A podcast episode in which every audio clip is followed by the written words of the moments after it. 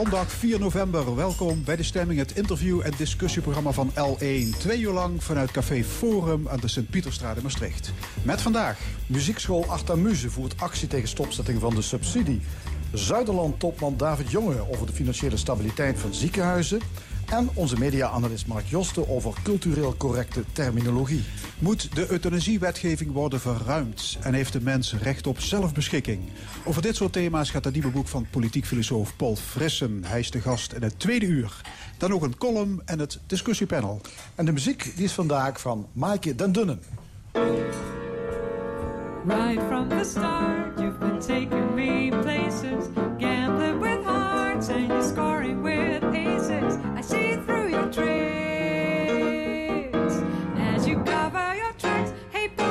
show me now?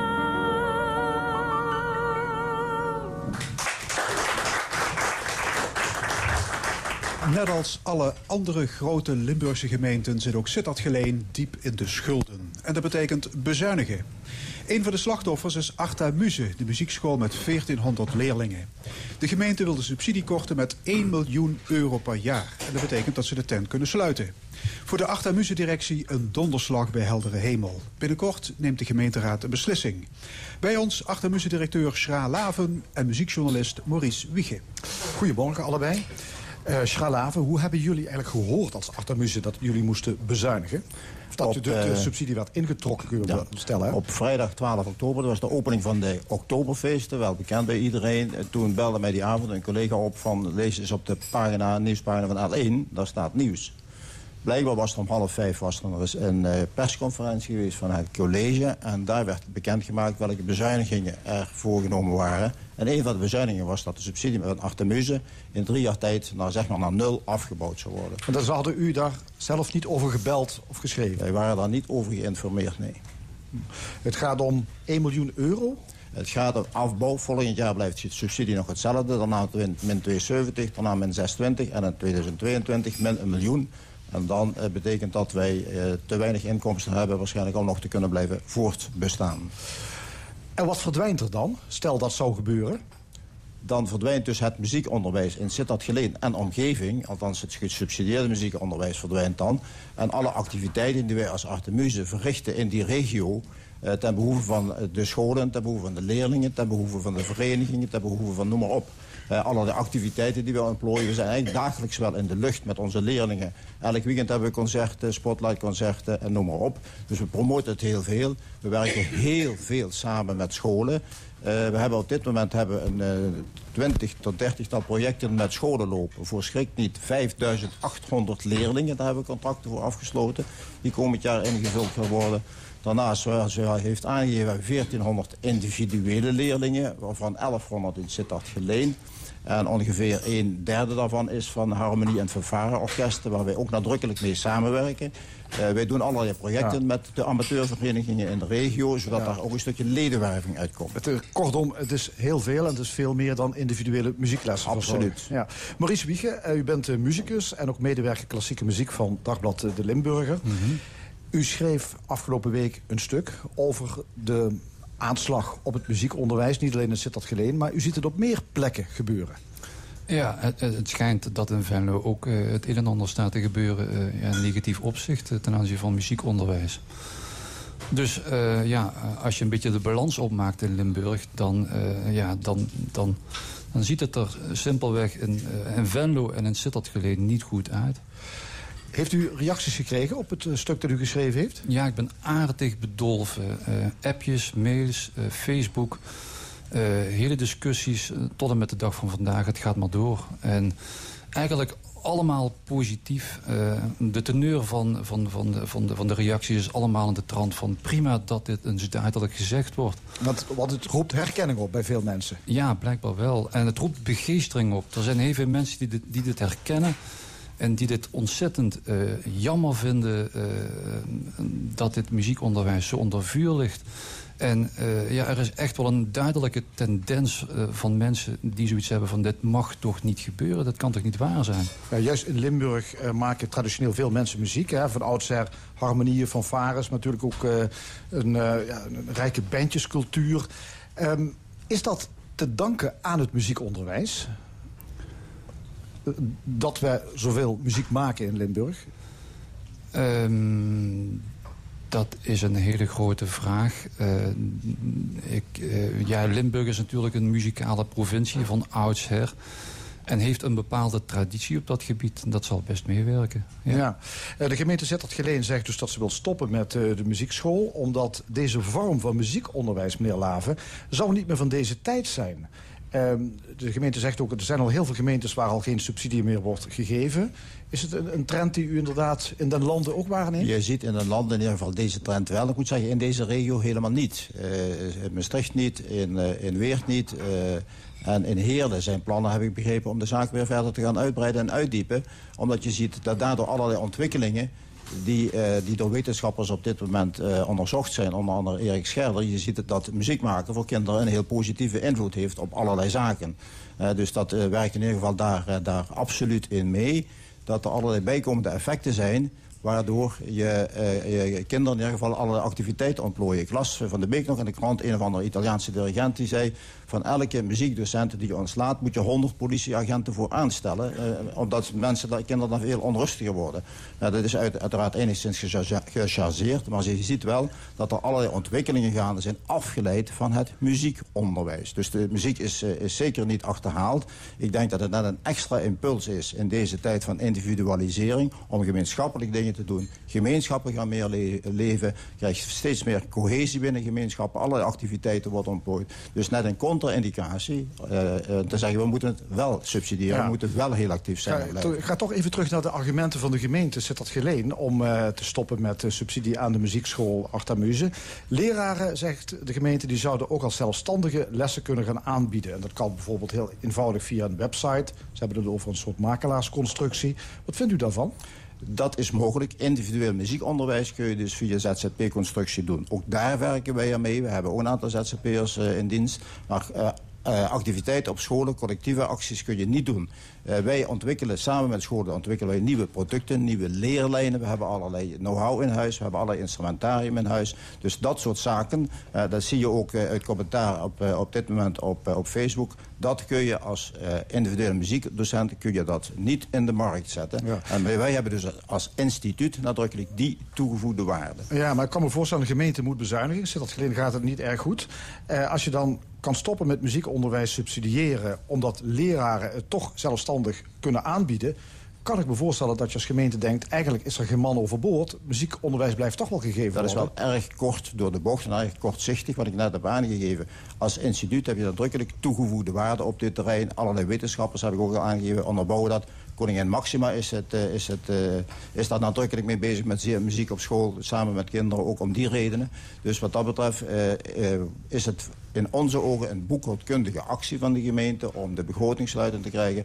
Maar men heeft aangegeven, de frictiekosten hebben wij nog niet berekend. Wij hebben die op de achterkant van de sigarendoosje even voor hun berekend.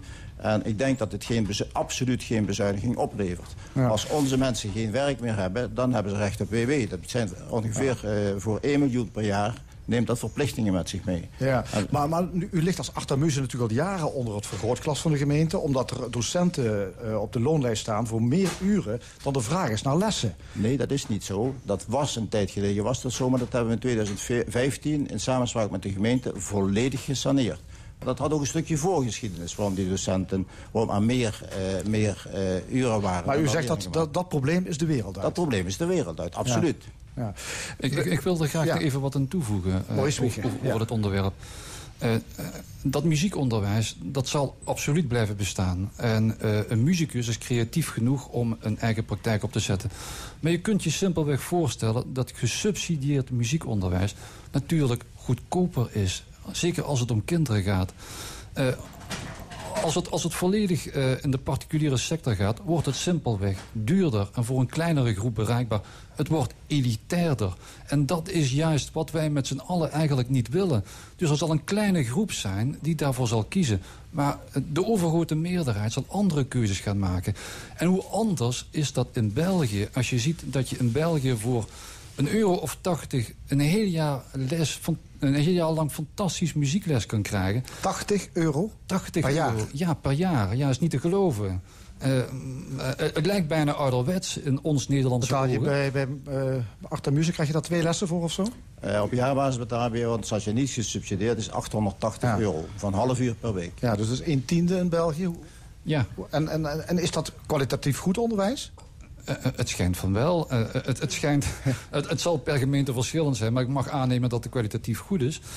Ehm, eh, maar je, je, krijgt ook drie sessies per week. Individueel les, samenspel en notenleer. Ja, dat is uitermate gedegen en voor een prikkie. Eh, wat bekend is, dat bijvoorbeeld de Belgische blaasorkesten... wij zijn een blaasmuziekprovincie hier in Limburg... en daar hebben we een prachtige traditie in... maar de Belgische blaasorkesten, ja, die mogen er ook zijn. Die zijn al jaren aan een immense opmars bezig. En dat heeft te maken met dat fantastische muziekonderwijs. Ja, u, Dus- u, noemt, nu- u noemt nu blaasorkesten. eh, dat zijn vaak grotere verenigingen. Kunnen die bijvoorbeeld het muziekonderwijs niet zelf regelen? Misschien Ja. met een aantal orkesten samen. Kan me dat soort constructies toch ook bedenken? Ja, kunnen ze absoluut. En dat doen ze al jaren. En dat doen ze van oudsher ook. En volgens mij heeft iedere vereniging daar ook een eigen structuur voor. Dus die blaasmuziek, eh, dat zal nog allemaal, denk ik, wel meevallen, die kaalslag. Al moet het nog allemaal worden ingedeeld waar die extra ton die nou blijkbaar nou beschikbaar is, hoe dat wordt, eh, hoe dat wordt verdeeld over die blazers. Dat moet blijkbaar nog allemaal een beetje helder worden. Maar ja, muziek maken is meer dan blazen. Hoe, hoe gaat het verder met zang en met, met piano, met viool, dat soort dingen. Dus eh, ja, er, is, er, is nog veel, eh, er zijn nog veel vraagtekens over. Ja. Afgelopen donderdag was er een eh, commissievergadering van, eh, de- van de gemeenteraad... waarin cultuur en dus Artamuze op, het, op de agenda stond. Daar bleek nogal wat steun te zijn eh, voor u als Artamuze. Dus eh, We hebben heel veel steun in de regio, dat mag je wel zeggen. u heeft, Eh, u heeft goed gelobbyd de afgelopen dagen. Ja goed, wat kun je nog doen deze, deze laatste dagen? Dus dat betekent geval dat we actief zijn. We hebben onze vrienden benaderd, we hebben sympathisanten benaderd, verenigingen benaderd. We waren met 160 man stonden we voor het gemeentehuis, hebben de raadzaal vervolgens hebben we niet ingenomen, maar in ieder geval wel redelijk bezet. Ik heb toen de kans gekregen om in ieder geval van onze kant ook het verhaal te houden. En ik heb begrepen dat in ieder geval een aantal raadsfracties, waar ik afgelopen week ook individueel al mee gesproken had, in ieder geval overwegen om, deze, om te kijken of men een ander punt zou kunnen bezuinigen en bij Artemuze niet. Dus we, hebben, we beginnen een beetje hoop te krijgen, maar we moeten de komende tien dagen niet stilzitten, want op 13 en 14 november dan valt het besluit over de bezuinigingen in Sittard Geleen. Ja, maar ik las er ook coalitiepartijen eh, eigenlijk al richting uw standpunt kruipen. Dus zeggen, nogmaals, misschien is de slag wel gewonnen. We hebben afgelopen week dus met alle fracties individueel ook gesproken. Dus daar hebben we ook een stukje input kunnen, kunnen geven. Laten we, eh, laten we de besluitvorming afwachten. Ik begrijp dat men aan het zoeken is naar alternatieven. Daar willen we best in meedenken. Dat hebben we ook altijd aangegeven. Maar eh, we moeten toch nog even op 13 en 14 november wachten... alvorens we zeker zijn hoe en wat verder. Ja. Bezuinigingen op muziekonderwijs die zijn natuurlijk al eh, die zijn niet nieuw. Hè. Die zijn al sinds de jaren negentig, denk ik, wordt er flink eh, op bezuinigd. Ehm, wa- hoe, hoe kan dat eigenlijk, denkt u, meneer Wichtje, dat gemeenten daar ja, blijkbaar minder mee op hebben? Ja, hadden we daar maar het eh, antwoord op. Eh, wat je in ieder geval wel duidelijk ziet is eh, dat er eh, een beweging is enerzijds die pleit voor meer muziekonderwijs. Dat zie je met bijvoorbeeld die acties van koningin Maxima en eh, zo'n professor Scherder die eh, de theaters afgaat en volle zalen trekt over de werking van het brein. En, Ja. eh, Want dat zou goed zijn voor je motorische ontwikkeling, voor je cognitieve ontwikkeling, sociaal, emotioneel, noem maar op. Ja, eh, je zou kunnen zeggen, als je naar muziek luistert, dan is het een feestje in je brein. Eh, als je zelf muziek maakt, dan is het een soort van polonaise in je brein. Dus ja, eh, het, het schijnt dat allerlei hersengebieden dan oplichten en eh, gaan werken en ook gaan samenwerken. En dat levert fantastische dingen op ten aanzien van concentratie en geheugenbeïnvloeding, empathisch vermogen. Eh muzici moeten ook in een orkest samenwerken, dus samenwerkingsverbanden, discipline. Het, het levert alleen maar positieve dingen op. Ik heb nog nooit iemand horen zeggen dat muziek maken slecht ergens voor is. Dus ja, dat soort inzichten zijn er. En ja, dan heb je de beleidsmakers die zeggen... ja, prachtig allemaal, maar we gaan daar geen geld aan geven. Waardoor het elitair wordt. Het is zo in tegenspraak met elkaar in, in, dit land. Ja, dat begrijpen wij niet. Dank u wel, Maurice Wiege en Lave. Dank u wel. Aan tafel jazzzangeres Maaike den Dunne. Eh Maaike, bezuinigingen op eh, eh, culturele en kunstzinnige vorming. Wat vind je ervan? Ja, daar vind ik natuurlijk, ben ik het natuurlijk ook helemaal mee oneens. Dat sluit me helemaal bij de heren aan. Dat, ja, dat is gewoon een hele slechte ontwikkeling, vind ik. Ja. Je hebt gisteravond gespeeld op het festival Heerlen Jazz. Hoe was het? Het was leuk, ja. Ja? Het was in de foyer van het Parkstad Theater. En ja, we hadden, we hadden wel een enthousiast publiek. Ja. De hele waren maand ook november staat trouwens Heerlen in het teken van jazz. Dat eh, doet jou deugd. Ja, dat vind ik... eh, Hoe meer aandacht voor jazz, hoe beter. hoe beter. Ik had wel begrepen dat er iets van drie verschillende namen voor dit festival Ja, bestaan. klopt. Dus daar was ik even mee in de war. Maar eh, ja, wij stonden als het goed is op Jazz Out. Jazz out, goed. Hey, je komt uit Rotterdam. Eh, je hebt net een nieuw album uitgebracht, Inner Space. Wat heb je daarmee willen uitdrukken? Ehm, Inner Space eh, verwijst eigenlijk naar de binnenwereld die we allemaal hebben. Dus de fantasiewereld waarin alles mogelijk is. En vooral eh, de teksten hebben heel veel metaforen. Dus het zijn eigenlijk eh, omschrijvingen van beelden. Ehm, zoals bijvoorbeeld, ehm, eh, bijvoorbeeld het spel der verleiding in een pokerspel gevat. Dus iemand die, twee mensen die zitten tegenover elkaar en ze kijken elkaar in een pokerface, maar ze willen zich niet in de kaarten laten kijken. Dat is een beetje zo de dubbele bo- bodem die overal in zit. Je gaat dat album eh, promoten. Eh, er staat een Europese tour op stapel. In welke landen eh, kom je allemaal? We gaan in eh, Bird's Eye in Basel in Zwitserland spelen. In Beeks in Stuttgart in Duitsland.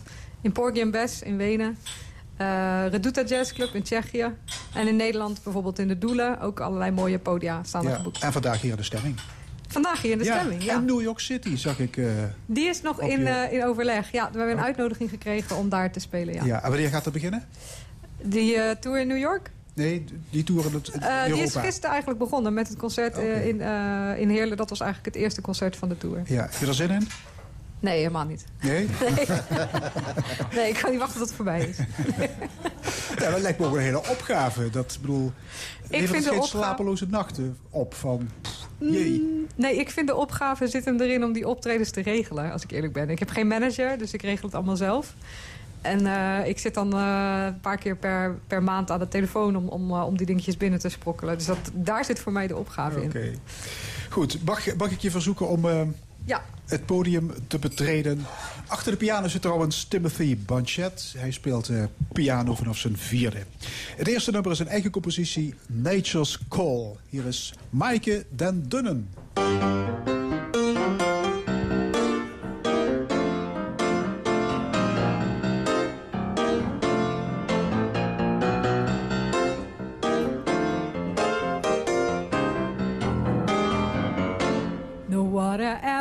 Itself from running a river's flow. It never doubted on the way it had to go. And still we're standing here afraid to make a move. What do we hold on to? No bird has ever kept itself from singing. So what's the use? Trying to cage it with some sensible excuse. Instead of riding on the wings of happiness and shouting from. Baby, tune in. It's in the air. It's nature's call. Answer its prayer. Stop fighting fate. There is no way. Star can stop from falling. So why shouldn't we? Let's ignite this little spark and set it free. We could keep looking up, wishing for the best, but it's already here. Love, love is already here.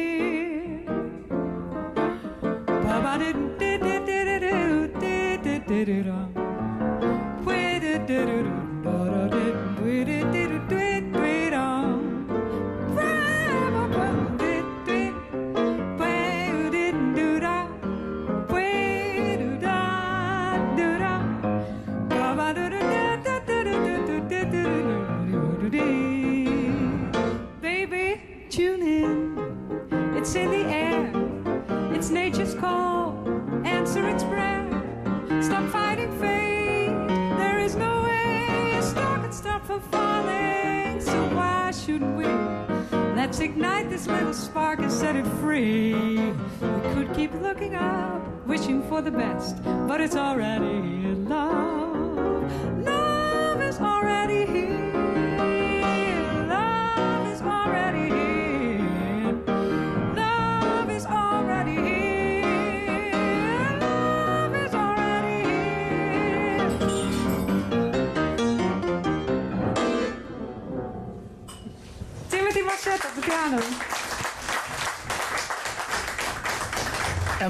Maaike Den Dunne met Nature's Call.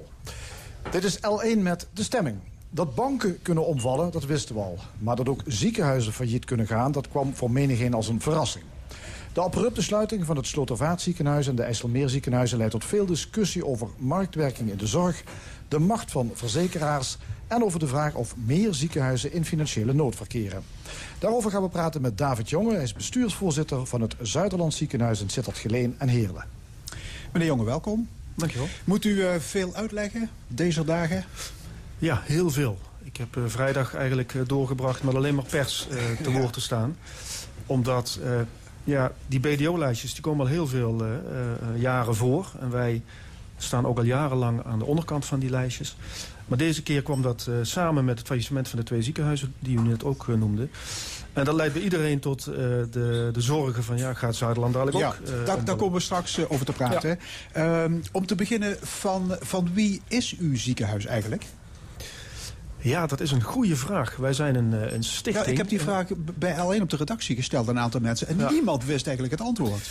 Ja, laten we het maar erop houden dat het van de inwoners van, eh, van Zuid-Limburg is. Eh, maar in financiële zin hebben de banken eh, ons 400 miljoen geleend. En daarvoor hebben ze ook recht op gebouwen. Hè? Dus dat is verhypothekiseerd, zoals het heet. Ja. Maar het is een stichting. en een stichting heeft een bestuur en een raad van toezicht. Maar het is, ja, het is van een heleboel mensen, maar het is publiek geld uiteindelijk. Ja, dus het is niet van de overheid, het is ook niet van particulieren. U zegt het is een stichting. Dat betekent een organisatie zonder winstoogmerk. Ja. Dus laat staan dat u ook winst mag uitkeren. Ja, we hebben, wij mogen wel wat winst maken, hè, want wij zijn eh, net als een bedrijf. Als we een positief financieel resultaat hebben, als we winst hebben... dat hebben we ook nodig om weer te investeren in medische technologie... in de dure medicijnen, gebouwonderhoud en dat soort zaken. Maar we mogen winst niet uitkeren, dus dat blijft binnen de stichting. Ja, en de hele organisatie heeft vorig jaar winst gemaakt voor Ja. 2,5 miljoen euro. Ja. En dat is inderdaad weer in allerlei andere dingen gestopt, die u net noemde. Ja, en wij lenen ook voor investeringen bij banken. Hè. Dus, met die 2,5 miljoen kom je niet zo ver. Een, een beetje een MRI-scan ben je al eh, anderhalf miljoen verder. hè. En die moet Ja. af en toe eens een keer vervangen worden. Dus we lenen eh, regelmatig geld bij de banken om medische technologie te kopen. Het gebouw in Heerlen is opgeknapt voor 60 miljoen de afgelopen jaren. Gebouw in 1968. En die totale lening die wij hebben, die is op dit moment een kleine 400 miljoen. En wij kunnen er heel netjes eh, rente en aflossing op betalen. Dat is geen enkel probleem. Veel commotie deze week over de twee failliete ziekenhuizen. Eigendom van Loek Winters, een privé-ondernemer. Limburger. En Limburger, ja. Vindt u dat eh, vragen om moeilijkheden? Nee, ik denk dat, eh, eh, dat, dat Winters eh, echt geprobeerd heeft om, een, om twee ziekenhuizen die er al niet heel goed voor stonden, om daar toch nog een goede doorstart mee te maken. Ik heb er niet bij gezeten, hè, maar ik denk, ik denk dat hij wel een heleboel risico heeft genomen. En uiteindelijk is het uitgepakt zoals het is uitgepakt. Ja, ja die ziekenhuizen hadden structurele tekorten, grote schulden. Kunt, kunt u begrijpelijkertaal uitleggen wat daar mis is gegaan? Ja, kijk, ehm, ziekenhuizen, alle ziekenhuizen in Nederland maken heel weinig eh, eh, positief resultaat. Dus de marges, de financiële marges zijn bijzonder klein. Bij deze twee ziekenhuizen waren die nog kleiner. Eh, ja, en op een Dus gegeven moment... had Winter eigenlijk zijn geld ergens anders aan kunnen besteden. Ja, Dan had hij meer rendement gehad. Ja, maar ik denk dat hij ook wel passie voor de zorg heeft. Ik heb hem een paar keer ontmoet de afgelopen jaren. Hij wilde er ook echt heel graag een succes van maken. En hij wilde aantonen dat ondernemerschap in de zorg... dat dat ook succesvol kan zijn. Ja. Maar ja, kijk, en op een gegeven moment blijven patiënten weg. Er zijn, eh, als je niet goed kunt investeren... dan rolt de kwaliteit van zorg achteruit. Ja, maar waarom blijven dan patiënten weg in die, in die ziekenhuizen? nou, En waarom is de kwaliteit niet goed? Nou, kijk, nogmaals, als je niet kunt investeren in de allernieuwste medische technologie... ehm, ja, dan uiteindelijk patiënten verlangen uh, de meest uh, nieuwe behandelingen. En als je die niet kunt bieden, zeker in de regio Amsterdam... waar nog 7, 8 ziekenhuizen zijn. Ja, maar dat weet je toch als privé-ondernemer... dat je moet investeren in je ziekenhuis? Ja, maar als de en banken als je niet... dat geld niet hebt, dan kun je er misschien beter niet aan beginnen. Ja, nou nogmaals, ik heb er niet bij gezeten... maar volgens mij hebben de banken uiteindelijk uh, gezegd... van ons krijg je niks meer. Ehm, ja, en dan kom je heel snel in een neerwaartse spiraal terecht. En als de verzekeraar dan niet zegt... wij helpen, wat ik ook trouwens goed snap dat ze dat niet zeggen... dan is het in één keer over. Mag ik dit als uh, mismanagement kwalificeren? Nee. Nee, nee, daar is het, is het te complex voor. Ik denk niet dat dat uh, mismanagement is. Dit, dit zijn heel veel factoren die hier uh, toe leiden. Maar wat ik wel zie is dat iedereen zich een hoedje is geschrokken. Er zijn, in het verleden is er ook al eens een keer een ziekenhuis failliet gegaan. Maar dit is wel heel snel gegaan met alle consequenties voor patiënten... en, uh, en het leveren van goede zorg in ja. die regio. Minister Bruins die kreeg deze week in de Tweede Kamer de volle laag. Uh, terecht of heeft u met hem te doen? Kijk, wij hebben uh, een Nederlands zorgstelsel uh, dat gebaseerd is op marktwerking. En dat betekent dat ziekenhuizen hun stinkende best moeten doen... om zo goed mogelijke zorg tegen zo laag mogelijke kosten te leveren. En de zorgverzekeraars kopen in bij die ziekenhuizen. En die kunnen ook kiezen. In principe hoeft de minister zich daar niet mee te bemoeien. Dat is ook niet in het stelsel uh, geregeld. Die marktwerking die heeft zijn werking gehad. Dat leidt dan tot het, het faillissement van twee huizen. Ja, en dan is het land natuurlijk te klein. En had de minister moeten ingrijpen. Ik denk niet dat hij had moeten ingrijpen. Maar ik snap vanuit maatschappelijk dus belang... u had, laat ik zeggen, als u minister was geweest... had u hetzelfde, hetzelfde gedaan? Ja, ook dat vind ik lastig. Maar ik had in ieder geval niet al twee maanden van tevoren uh, daar vol uh, bij aan tafel gezeten. Dit moeten de verzekeraars met de ziekenhuizen en de banken met elkaar oplossen. Ja, hij werd uh, door sommige Kamerleden omschreven als een koelkast deze week. Nou, dat vind ik volstrekt onterecht. Ik ken hem trouwens... Ik heb nog met hem samengewerkt uh, in, bij de gemeente Den Haag toen hij daar wethouder was. Het is absoluut geen koelkast. Nee. Dat is niet terecht. Ja, u zei uh, marktwerking is ingevoerd in, in 2006. Hè. Sindsdien staan ziekenhuizen op afstand van de overheid. Maar in dit uitzonderlijke geval, hè, zegt u van de staat had toch eigenlijk moeten ingrijpen? Nee, ik vind van niet. Nee, we hebben nee. voor een systeem gekozen en dat heet marktwerking. Um, het spel is echt aan de verzekeraar met de zorgaanbieders en de banken. Um, maar, en, maar dan hoor je heel vaak zeggen... ja, bij de, als het gaat om banken die omvallen... dan grijpt de overheid wel in. En ja. gaat het om, om ziekenhuizen dan... Ja. Ja, ik denk Blijft dat, de overheid uh, op afstand? Ja, ik, ik denk dat in het veld van zorgaanbieders... en dat zie je nu ook gebeuren dat in ieder geval rondom het Slotervaart... uiteindelijk de zorg weer allemaal wordt, gaat worden geleverd. Ook zonder uh, Slotervaart. Goed, en uh, in de Flevo zijn ze nu druk met elkaar in gesprek... om te kijken waar de patiënten heen kunnen. En dat, dat zal opgelost worden. Kijk, het enige wat ik echt vervelend vind... is dat in de meanwhile een aantal patiënten uh, moeten wachten totdat ze zorg krijgen. Ja. En daar had de minister misschien wat, wat actiever in kunnen zijn. Goed, dat doet hij dan nu alsnog. Ja, het Maar was een denk- behoorlijke chaos hè, rond, Ja. rond die sluiting. Ja. Patiënt op straat, personeel Ja. op straat. Maar ik denk ook niet dat iemand eh, zich had kunnen voorstellen... ook de zorgverzekeraar niet dat in één keer in 24 uur... eh, de stekker eruit eh, zou gaan. Nee. Ik denk dat iedereen nog dacht van... we hebben nog wat dagen de tijd om het goed te regelen. Dus het was achteraf gezien niet zo verstandig om dat in zo'n snel tempo te doen. Nee. Want je weet wat er gebeurt als je zo'n ziek- ziekenhuis meteen dichtgooit. Hè? Ja. Ja, maar niemand heeft gezien dat er een soort sneeuwbal, negatief sneeuwbaleffect... zo snel is gaan rollen. Daar ben ik van overtuigd. Vindt u het acceptabel dat in een rijk land als Nederland ziekenhuizen failliet kunnen gaan? Ehm, wat belangrijk is in een rijk land als Nederland... is dat elke inwoner eh, zo dicht mogelijk bij huis... de beste zorg moet kunnen krijgen. En als dat Is dat betekent dat... op de vraag? Ja, wat mij betreft wel. Eh, kijk, maar als dat betekent in Amsterdam dat zonder slotervaart... eh, de andere zes, zeven ziekenhuizen het prima kunnen opvangen... dan kan ik er vrede mee hebben dat een eh, ziekenhuis failliet gaat. Een ziekenhuis in de lucht houden kost ook heel veel geld. En het issue in Nederland op dit moment voor ziekenhuiszorgers... überhaupt voor zorgers, hoe houden wij de zorg de komende eh 10, 20 jaar betaalbaar? En ja, daarin heeft marktwerking ook een, marktwerking ook een rol. Ja, maar je hoort zeggen, ziekenzorg is zo'n belangrijke publieke voorziening. eh, Dat moet de overheid regelen. Dan moet je de vrije markt moet je er eigenlijk gewoon buiten houden. Ja, maar de vrije... Kijk, het is in principe marktwerking, maar het is ook een klein beetje geen marktwerking. In deze regio, in Limburg, eh, wij concurreren een heel klein beetje met het Maastrichtse ziekenhuis, maar we werken vooral samen om ervoor te zorgen dat in deze regio ook alle zorg die voor de inwoners nodig is, dat we die ook vasthouden. En dan eh, concentreert Maastricht zich wat meer op de academische zorg, wij wat meer op de topklinische gewone zorg. Wij concurreren eigenlijk nauwelijks eh, met elkaar. Eh, dat heeft in deze regio niet zoveel zin. Maar ik denk in de Amsterdamse regio, Den Haagse regio... is wel degelijk sprake van, eh, van concurrentie. En ehm, de overheid regelt natuurlijk met eh, het vaststellen van het eigen risico... met allerlei andere wet en regelgeving wel... dat het zorgstelsel in Nederland overeind blijft. En Ja. let wel, we hebben echt een van de beste zorgstelsels van de wereld. Nou ja, de, de SP best zegt dat hele, dat hele systeem is failliet. Ja, Hè, kijk naar de grote macht van de zorgverzekeraars. Ze vinden dat te gek om los te lopen. Waarom vindt u dat niet? Ik vind het systeem... Kijk, er bestaat geen ideaal systeem. Dat geldt trouwens niet alleen voor de gezondheidszorg. Elk systeem heeft voor- en nadelen. We hebben in Nederland in 2006 voor dit systeem gekozen. Het heeft ertoe bijgedragen dat de, de zorg in Nederland... van een uitstekende kwaliteit is tegen aanvaardbare kosten. Eh, het omgooien van het systeem betekent dat we vijf jaar allemaal met onszelf bezig zijn... in plaats van met de patiënten. Het werkt. Maar je kunt het er politiek niet mee eens zijn. Maar dan moet je wel de goede argumenten gebruiken. Het Ja, maar er is een, een lijst van 14 ziekenhuizen die in de gevarenzone zitten. Ja. Eh, daar zit Zuiderland ook bij, hè, een van de grootste ziekenhuizen van Nederland. Ja. Hoe groot is de kans dat uw hospitaal omvalt? Nul. Nee. Nul procent. Nee. Ik, Dus eh, u ik- staat terecht op die lijst van 14.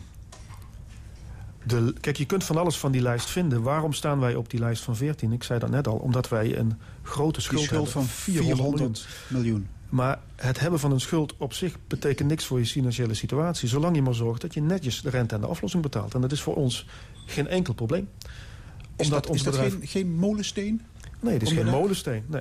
We zijn wel met de bank in gesprek, hè, eh, maar dat doe je als, eh, als privépersoon ook. Als je een hypotheek hebt en je ziet dat de rentepercentages in de hypotheekmarkt zakken... dan probeer je ook nog eens een keer eh, de hypotheek opnieuw af te sluiten tegen wat lage rente. Die gesprekken hebben wij nou ook, maar niet uit financiële noodzaak... maar omdat we gewoon vinden dat als we een klein beetje minder rente hoeven te betalen... dan hebben we weer wat meer geld voor te besteden aan de zorg in de regio... Ja, in plaats van aan de bank. Er wordt wel eens gezegd too big to fail. Is dat van toepassing? Nou, kijk, wij, wij, ehm, wij zijn het grootste ziekenhuis eh, dat eh, CZ in eh, contracteert. Wij contracteren voor ongeveer 330 miljoen per jaar aan zorg voor CZ-patiënten. Dat betekent dat CZ en wij echt op een hele goede manier samenwerken. We hebben nu een vijfjaarsafspraak. Die loopt volgend jaar af. En volgend jaar gaan we naar een tienjaarsafspraak. Dat betekent dat CZ ons tien jaar lang continuïteit biedt. en zegt tegen ons, wij kopen tien jaar lang bij jullie zorg in. Dus too big to fail, ik weet het niet. Eh, we zijn gewoon een, een goed bedrijf wat goede zorg levert. We zijn topklinisch. We staan bovenaan in een heleboel eh, lijstjes... of in de hoge regionen, in lijstjes die gaan over kwaliteit van zorg. De patiënttevredenheid loopt toe.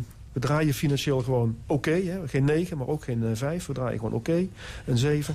En eh, ja, wij doen het gewoon goed. Ja, maar u staat ook op lijstjes van ziekenhuizen die in de gevarenzone verkeren. Ja, dat is Dan, zegt u dus van dat is flauwekul, we moeten daar zo snel mogelijk vanaf. Wij zijn- Trouw had daar een publicatie Ja. over. Enfin, u, Ja, de naam zijn- Zuiderland zingt voortdurend rond. Hè? Ja, dat vind ik ook echt heel vervelend. Omdat het gewoon... eh, ik, ik zei vorige week ook eh, tegen, eh, geloof Hart van Nederland... ik lig van een heleboel dingen wakker van mijn werk. Maar hier lig ik dus echt gewoon niet wakker van. Financieel staan wij er gewoon goed voor. Wij betalen netjes onze rente en aflossing. Dat kunnen we nog jarenlang volhouden. doen we ook al jaren.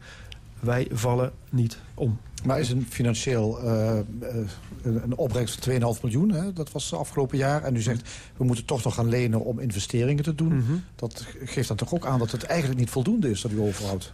Nee, maar we lossen ook eh, af. Hè. Dus wij houden 2,5 miljoen over vorig jaar.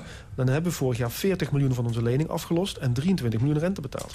En dan nog houden we 2,5 miljoen over. En dit jaar betalen we weer 23 miljoen rente en 40 miljoen aflossing. Eind van dit jaar is de lening geen 400 meer, maar 350. En dat betekent ook dat er weer ruimte komt... Hè, als je eh, een paar miljoen moet investeren in medische technologie... dat er weer ruimte komt om bij de bank ook weer wat eh, bij te lenen. Dus dit is echt gewoon net een net bedrijf. eh, een, een- net een echt bedrijf. Net bedrijf- net een ook een net bedrijf, hè, maar het is net een echt bedrijf. En wij moeten gewoon zorgen dat er altijd een verschil is... tussen onze inkomsten en onze uitgaven. Meneer Jonge, worden ziekenhuizen over het algemeen goed bestuurd? Of valt daar nog een slag te winnen? Ik vind dat eh, het aansturen van... eh, ik heb een heleboel gedaan in de, in de publieke sector... maar het aansturen van een ziekenhuis is ongelooflijk complex. Je hebt medisch specialisten in je huis... Hè, die ook een eigen eh, belang hebben.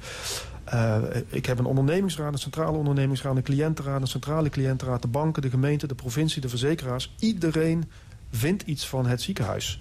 We zijn ook nog toevallig de grootste werkgever van, van of in Limburg. Ehm, dus het is heel complex. Eh, wat ik zie, eh, ik ga niks over mezelf zeggen, dat moeten anderen maar beoordelen. Maar wat ik zie is dat gemiddeld genomen in Nederland ziekenhuizen best goed worden bestuurd. Ja, Maar klopt het dat de beste bestuurders kiezen voor het bedrijfsleven? Omdat ze daar meer kunnen verdienen? nee, ik, ik weet niet wat anderen kiezen, maar ik heb hard voor de publieke sector. Ik, ik hoef niet naar een autofabriek of een koekjesfabriek, dat eh, boeit me niet. Ik wil gewoon in de publieke sector werken. En dan maar eh, voor gezien de complexiteit en wat, wat minder salaris. Ja. ik heb er geen moeite mee. We geven dit land iets van 80 miljard euro uit per jaar aan zorg. Ehm, kunt u uitleggen hoe het komt dat die kosten de laatste jaren zo enorm zijn opgelopen? Ja, nou, A, uh, alle innovaties in de zorg leiden tot heel veel zorgvragen. Uh, uh, ja, iedereen wil de nieuwste en de beste technieken hebben. De dure medicijnen. Wij, wij hebben een budget van, als ziekenhuis van 600 miljoen. Daarvan is 60 miljoen, dus 10% dure medicijnen. Alleen wij al. Hè? Dure medicijnen die heel veel geld opslokken. De vergrijzing in Nederland... Um, en heel raar, maar als het economisch beter gaat... neemt de zorgvraag ook toe. Dus de afgelopen jaren uh, stijgen de uitgaven uh, harder... omdat het economisch ook goed gaat met, uh, met, met Nederland. En op dit moment werken er, als ik het goed heb... vier van de tien mensen in de zorg. Als we niet die groei van die uitgaven gaan afremmen... werken er straks zeven van alle tien, van tien werknemers in Nederland in de zorg. Dus de opgave in Nederland is... hoe zorgen wij ervoor dat de zorgkostengroei heel beperkt blijft. Wij kunnen ons dat als land economisch dadelijk niet meer verantwoorden. Als dadelijk 40% van ons bruto nationaal eh, inkomen naar de zorg gaat... Ja, dan blijft er geen geld meer over voor onderwijs of muziek. En waar moet je beginnen? Een rem op die, op die kostbare innovatie? Nee, wat we, wat we landelijk hebben afgesproken is dat we uh, met z'n allen... dus uh, huisartsen, thuiszorg, ziekenhuizen, patiëntenverenigingen... de, de uh, zorgverzekeraars, de medisch specialisten... dat wij met z'n allen gaan sturen op de juiste zorg op de juiste plek. En dat betekent en daar zitten wij ook middenin, dat wij ziekenhuiszorg willen verplaatsen naar de thuissituatie. Geen operaties of zo. Eh, dat we met de huisartsen willen kijken of we mensen uit het ziekenhuis kunnen halen. 60%, nee 50% van de mensen die op de spoedeisende hulp komt... 50% komt daar onterecht. Hmm. Die hoort daar niet. Die had gewoon thuis uh, nog iets uh, aan behandeling kunnen hebben. Of de huisarts had daar nog iets kunnen doen. En die mensen verstoppen het hele, uh, het hele ziekenhuis. Ja. Dus de juiste zorg op de juiste plek. Met ja, samen zorgen dat de patiënt zo lang mogelijk thuis behandeld kan worden. David Jonge, bestuursvoorzitter van het Zuiderland ziekenhuis in Sittard Geleen. Hartelijk dank. Dankjewel. We luisteren naar L1 met De Stemming. Tot 1 uur live vanuit Café Forum in Maastricht. Er zometeen media-analyst Mark Josten over onbewuste vooroordelen. Maar eerst Mike in Dunnen met De Diep.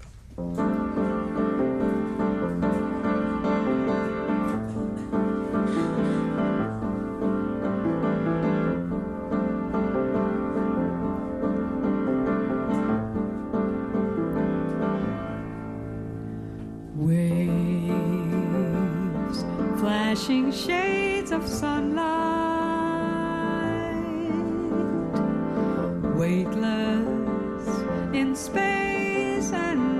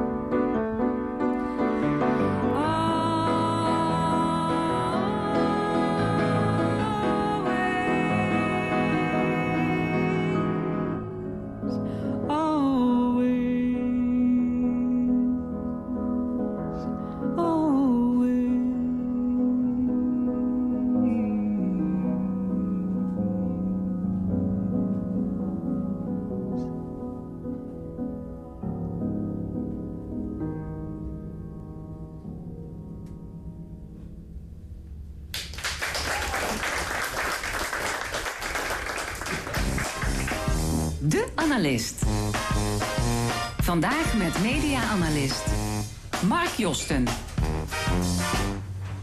Goedemorgen, Mark. Eh, Goedemorgen. jij wil het deze week gaan hebben over bewuste en onbewuste vooroordelen. Ja. Maar voor we het daarover hebben... ehm, ja, jij als media-analyst hebt natuurlijk ook meegekregen... die actie van Tom Hofman. Ik wil het daar heel even eh, met jou over hebben. Eh, voor het kinderpardon. Ehm, hij ging met een negenjarig jongetje, Nemmer die uit Irak komt eh, naar de Tweede Kamer. En met draaiende camera liep hij daar af op eh, VVD-fractievoorzitter Klaas Dijkhoff... om hem te confronteren met de situatie van Nemmer. Eh, wat vind jij daarvan? Ja, daar vind ik heel veel van. Nee, al- allereerst, je begrijpt politiek en emotie, dat heeft met elkaar te maken. En als je het vanuit het standpunt van die Hofman bekijkt... heeft hij best veel bereikt met deze actie. Maar ik heb toch twee grote bezwaren daartegen. Eén, gewoon als inwoner van rechtsstaat Nederland... Ik vind dat in rechtsstatelijke zin dat de rechter moet hier dingen bepalen als het gaat om eh, eh, asiel. Eh, en, niet, en, dat moet niet via individuele acties, via talkshows en politici. Ten tweede, en dan, dan kom ik meer op mijn echte vakgebied. Ik ben ook hoofdredacteur van de kritische mediarubriek Medialogica. Ik vind niet dat je met draaiende camera's op mensen kan afstormen. Ook al zijn het doorgewinterde politici. Het is echt... Kijk, stel je voor hier, we zitten in dit zaaltje... er komt iemand met een camera binnen... die zet die recht op je snuffert. Het is alsof je een gun tegen je hoofd krijgt. Ik vind dat gewoon niet kunnen. Ik vind het, nou, ik vind het een hele onnette actie. Oké, waarvan akte? Ehm, bewuste en onbewuste vooroordelen. Eh, dat is jouw onderwerp deze week. Eh, hoe kwam je er trouwens op? Eh, Ja, nou, ik, ik, ik werd... ja, dat is een heel, heel raar verhaal. Ik werd... vorige week werd ik uitgenodigd voor een speciale cursus... voor het management van VPRO en Human, waar ik voor werk... om aan een cursus mee te doen op dat gebied. En ik dacht van een cursus op het gebied van onbewuste vooroordelen... hoe onbevooroordeeld kun je zijn? Dus ik ben me daar een beetje gaan verdiepen van eh, ja, onbewuste vooroordelen. Een beetje scherp op wat is er nou in de actualiteit. Nou, en toen kwam er opeens een droom van een casus, zoals dat dan heet. Een droom van een gebeurtenis op me af. En ik dacht, nou, daar wil ik wel eens eh, dieper over nadenken. Ja, wel, dan heb je een voorbeeld. dat zeg Ja, nee, dus. een heel mooi voorbeeld. Nee, hebt- echt een heel mooi boek, voorbeeld. boek ligt op tafel, gaat het daarover? Ja, er zijn twee boeken uitgekomen. Van, echt, het zijn ook schitterende boeken. Van de, de Amerikaanse auteur James Baldwin. Eh, dit is toevallig niet het boek waar de grootste controverse over is. Dat heet Als Beale Street kon praten. Maar het gaat om het andere boek. Dat is een boek uit de jaren 60. Want die Baldwin is al lang dood. Eh, dat, eh, dat boek dat heet Niet door water, maar door vuur. En dan moet je weten, die Baldwin... dat is een schrijver, een zwarte schrijver... die enorm tegen racisme streed... die nou, misschien wel een van de boegbeelden was van de zwarte burgerrechtbeweging. Nou, die man die heeft dus in die tijd een boek geschreven... waarin heel veel, heel veelvuldig op elke pagina het woord negro voorkwam. Ja, nou, dat heeft dus de vertaler... die heeft dat willen vertalen met het woord... wat in die tijd dus door diezelfde Baldwin, zelf zwart... werd gebruikt door het woord neger. Uh, dat is toch niet in het boek terechtgekomen. Daar is het woord zwarte neergezet. En dat was op basis van een verklaring van de uitgever. Die zei van ja, maar wij vinden dat je in deze tijd... dit niet meer als zodanig kan vertalen. En er zit in dat boek, en daar was, echt, daar was ook best wel wat over te doen afgelopen week... zit een soort inlegvel waarin staat van ja... De uitgever die was het helemaal niet eens met, uh, met de vertaler. De vertaler die wilde het als neger vertalen. Wij als uitgever waren het er niet mee eens. We zijn voor een inclusieve samenleving waar iedereen meetelt. Dus het woord zwarte staat er nu in. Ja, want het woord neger gebruiken wij niet meer tegenwoordig. Je had het over bewuste, onbewuste vooroordelen. Ja, ja. Uh, daarna terug even met dit voorbeeld ja, nu met in dit ons hoofd. Nou, kijk, het, het grappige is... Uh, op, op dit moment dat dit soort dingen spelen... kun je al van onbewustheid al helemaal niet meer spreken. Het feit dat wij hier nu alweer over praten... betekent dat we dit, dit onderwerp naar een vrij hoge bewustzijnslaag trekken. Wat natuurlijk pure winst is. Uh, en ik vind dat, dat op heel veel niveaus dit, dit, niet, dit niet meer speelt. En ik ben ook heel nieuwsgierig hoe die cursus, hoe onbevooroordeeld... zo'n onbevooroordeeldheidscursusinstituut zal zijn. Maar ik vond dit wel een, een mooi voorbeeld van... dat je natuurlijk wel altijd kunt werken aan bewustwording over bepaalde stereotypen. Ja, wat, wat vind jij? Wat nou, had erin moeten staan, neger of zwarte? Nou, kijk, en daar wil ik ook wel niet te simpel ja of nee op zeggen. Ook daar, in het kader van je moet er wel bewust over worden... wil ik een soort reden, korte redenering opbouwen... van waarom ik tot een bepaalde conclusie kom. Kijk, dit is geen kinderboek. Als dit Dick Trom was geweest... En een diktrom, daar komen heel veel uh, dingen als kaffer en zo. En voor. Ik vind niet dat je voor jonge kinderen dat soort woorden nog kan uh, bezigen. Want het, het is op dit moment, je beledigt hele grote groepen daarmee. En je loopt de kans dat dat wordt overgenomen. Dus dat zou ik begrijpen. Maar een boek van Baldwin, dat is helemaal niet voor kinderen bedoeld. Dat is voor, over het algemeen voor mensen die hoog zijn opgeleid... en die willen eigenlijk dat het taalgebruik uit die tijd... dat dat wordt gebruikt, dat het in de historische context wordt geplaatst. Dat als je de boeken van Baldwin zelf leest... die is ook heel genuanceerd, ondanks dat het een actievoerder is. En ook de vertaler. Je gaat dit soort boeken ook helemaal niet vertalen... als je, niks, eh, als je racist bent, dan, dan, dan, dan, ga je geen Baldwin vertalen. Die man heeft echt geprobeerd om die Damsma, zo heet hij... om op een hoog niveau dit boek te vertalen... en mensen juist bewust te maken. In die tijd was dit het gangbare woord. En het, het, het gaat ook heel, heel raar klinken. Ik, ik ga geen passages voorlezen, maar het, het klinkt ook raar als je een jaren 60 boek... als je dat uh, uh, op zijn 2018's gaat vertalen. Tarantino-films die, die, er was laatst zo'n beroemde film... Die, die ging over een, vrijge, vrijgelaten slaaf. Uh, Django heette die. Nou, daar ging het ook de hele tijd over het woord negro. Dat was niet omdat Tarantino racistisch is. Verre van dat. Dus je moet bij dit soort uh, stereotypen... bij dit soort oordelen en vooroordelen... je moet altijd heel erg bewust zijn voor welke groep doe ik het. Je moet er ook heel goed over nadenken, dat is winst. Maar je moet niet, uit, denk ik, uit een soort correctheid... in één keer zeggen van we, we, alles moet 2018 worden. Dus lang antwoord, ik, ben, ik ben voor de vertaling. Een stripalbum als uh, uh, Kuifje in Afrika, moet je dat wel kuisen? Dat vind ik, ja, nee, hier, hier, dit is een hele goede fonds. Maar hier zie je precies, als je me zo vraagt, dat is... Ik denk dat daar ook een, uh, naar het publiek moet kijken. Daar zit er ook een groot jonge publiek bij. Ik zou, als ik uitgever was, ik zou met de, de Erven Hergé... zou ik uh, om de tafel gaan, omdat toch wel te kuis. En dat heeft echt met het publiek te maken. Als Kuifje alleen zou worden gelezen door mensen die houden van historische boeken... in een bepaalde context, van filosofieën, dan niet. Maar in, in, dit geval zou ik geneigd zijn te kuis. Is, is, het, is het niet ook een vorm van geschiedvervalsing als je dat gaat doen?